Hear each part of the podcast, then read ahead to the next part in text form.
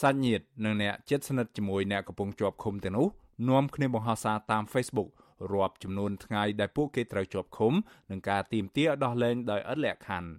កូនប្រុសរបស់សមាជិកក្រុមប្រឹក្សាជាប់ឆ្នោតខេត្តកំពង់ធំលោកសុនធុនគឺលោកធុនធានីឲ្យដឹងថាក្រុមគ្រួសាររបស់លោក តែងតែនាំគ្នាបង្ហោះសារអំពាវនាវឲ្យដោះលែងអ្នកជាប់ឃុំពាក់ព័ន្ធនឹងរឿងនយោបាយទាំងនោះ លោកអះអាងថាខាងគ្រួសារអ្នកជាប់ឃុំមិនអាចចេញតវ៉ាបានទេ ចាប់តាំងពីពេលមានវិបត្តិជំងឺ Covid-19 ឆ្លងខ្លាំងមកតែយ៉ាងណាខាងគ្រួសាររបស់លោកនឹងបន្តការតវ៉ាថែមទៀតនៅក្រោយពេលជំងឺនេះថមថយដើម្បីទាមទារឲ្យដោះលែងលោកសុនធុននិងអ្នកជាប់ឃុំពាក់ព័ន្ធនឹងរឿងនយោបាយផ្សេងទៀត ស្នើឲ្យខាងត្រីរដ្ឋាភិបាលឬក៏ត្រីតុលាការហ្នឹងធ្វើការដោះលែងទៅលុបចោលការចោទប្រកាន់អីចឹងណាដល់គាត់មានសេរីភាពនៅក្រៅមកព្រោះទីមួយគាត់អាយុច្រើនច្រើនចាស់ហើយបញ្ហាសេដ្ឋកិច្ចយើងក៏យ៉ាប់ដែរចំណែកគ្រួសាររបស់សកម្មជនសង្គមនិងបរិស្ថានដែលកំពុងជាប់ឃុំក៏នៅតែរក្សាជំហរទៀមទាឲ្យដោះលែងយុវជនទាំងនោះដែរប្រពន្ធរបស់សកម្មជនបរិស្ថានលោកថនរដ្ឋា គឺលោកស្រីប៉ាត់រស្មីឲ្យដឹងថាលោកស្រីមិនសូវបានបង្ហោះសារទៀមទាដោះលែងប្តីនិងសកម្មជនផ្សេងទៀតទេព្រោះជាប់រវល់មើលថែកូនតូចតែយ៉ាងណាលោកស្រីរំពឹងថាមន្ត្រីតុលាការនឹងដោះលែងប្តីរបស់លោកស្រី និងសកម្មជនសង្គមផ្សេងទៀតឲ្យទទួលបានយុត្តិធម៌ឡើងវិញ ខ្ញុំមានតែស្នើសុំឲ្យតុលាការនឹងច្រានចោលបោកចោលប្រកាន់ទៅពួកអីប្តីខ្ញុំអត់បានធ្វើកំហុសអីផងគាត់អត់បានស្ទាត់ធ្វើអ្វីដូចតុលាការចោលប្រកាន់គាត់ហើយចំរដូវកូវីដផងគួរតែដោះលែងគាត់ទៅគាត់នៅក្នុងនោះតាំងពីកូវីដមកអាហារហូបចុកអីគឺគាត់ហូបអត់បានគ្រប់គ្រាន់ទេជុំវិញការបង្ហោះសារនិងការបន្តទៀមទាដោះលែងអ្នកជាប់ឃុំពាក់ព័ន្ធនឹងរឿងនយោបាយនិងសង្គមនេះអាស៊ីសេរីមិនអាចសុំការបញ្ជាក់ពីអ្នកនាំពាក្យរដ្ឋាភិបាលលោកផៃសិផានបាននៅឡើយទេ នៅថ្ងៃទី2ខែឧសភា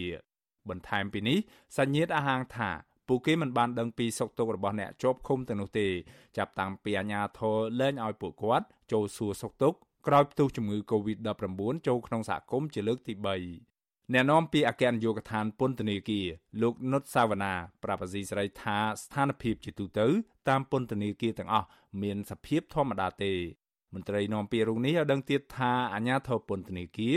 បានផ្អាកគម្រោងដាក់ទូរស័ព្ទឲ្យអ្នកជាប់ឃុំអាចទូរស័ព្ទជួបសាច់ញាតិហើយដោយសារតែមន្ត្រីពន្ធនាគារកំពុងជាប់រវល់ខ្លាំងពីការយកចិត្តទុកដាក់ចំពោះបញ្ហាសុខភាពរបស់អ្នកជាប់ឃុំនៅក្នុងស្ថានភាពពេលមានវិបត្តិជំងឺ Covid-19 បែបនេះ កិច្ចការនឹងខ្ញុំប្រាប់ឲ្យខាងយើងកំពុងតែគិតហើយបញ្ហាសំខាន់គឺការទប់ស្កាត់កូវីដនោះទេព្រោះឥឡូវហ្នឹងវាកំពុងតែរាលដាលឆ្លងខ្លាំងហើយម្នាក់ម្នាក់គេកំពុងតែមានវិធានការគេកំពុងអនុវត្តតាមគោលការណ៍ណែនាំផ្សេងៗហ្នឹងប្រុងប្រយ័ត្នខ្លាំងណាស់ហើយបើគិតការងារនោះមួយទៀតនឹងខ្លាចវាពិបាករឿងរែកពុនដែរដល់ពេលនេះយើងអត់ទាន់មានអីប្រែប្រួលទេក៏ប៉ុន្តែអ្នកឃ្លាំមើលខកចិត្តចំពោះការកាត់ផ្តាច់ទំនាក់ទំនងរវាងអ្នកជាប់ឃុំមិនឲ្យបានជួបក្រុមគ្រួសារទាំងស្រុងបែបនេះ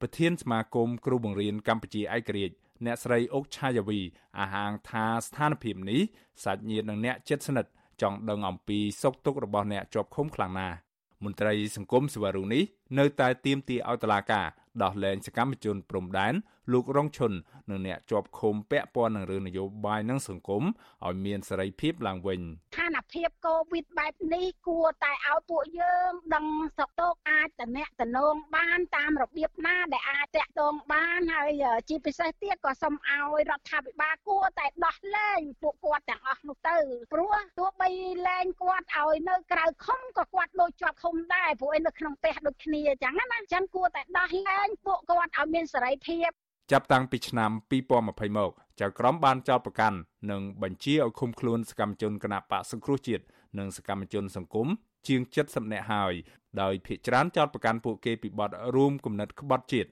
និងបទញុះញង់សកម្មជនខ្លះត្រូវជាប់ក្នុងពន្ធនាគារជាង1ឆ្នាំមកហើយក៏ប៉ុន្តែតឡាកានៅមិនទាន់រកឃើញពីកំហុសរបស់ពួកគេនៅឡើយទេ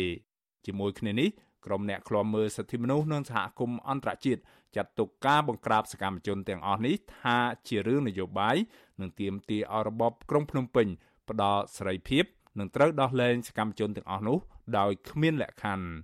ខ្ញុំបាទមេរិតអាស៊ីស្រីរាយការណ៍ពីរដ្ឋធានី Washington